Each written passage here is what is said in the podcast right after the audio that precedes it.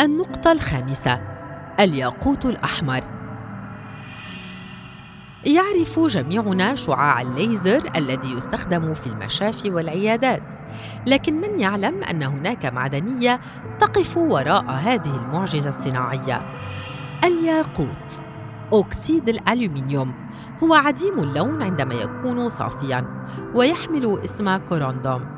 لكن عندما يحل الكروم بكميات زهيدة مكان الألومنيوم لدى تكوينه يؤدي هذا إلى تغيره إلى اللون الأحمر دون أن يبدل شيئا من بنيته. يعتبر الياقوت الأحمر من أغلى البلورات وذلك لندرته وجماله.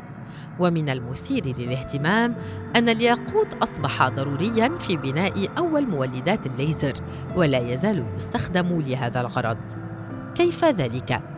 لإنتاج الليزر نحتاج إلى مادة تولد نوعا معينا من الضوء وهذا ما يستطيع الياقوت الأحمر فعله تماما عند تعرضه للأشعة فوق البنفسجية فهو يصدر ضوءا أحمر أكثر كثافة من الضوء الأحمر الأول وبخصائص غير موجودة في الضوء الطبيعي وهذا ما هو في الواقع الليزر.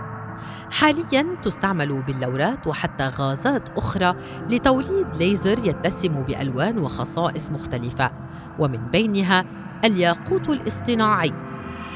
حاليا يستخدم الليزر على نطاق واسع في التقنيات الحديثة مثل الألياف البصرية والطب الحيوي وقطع المعادن وتلحيمها.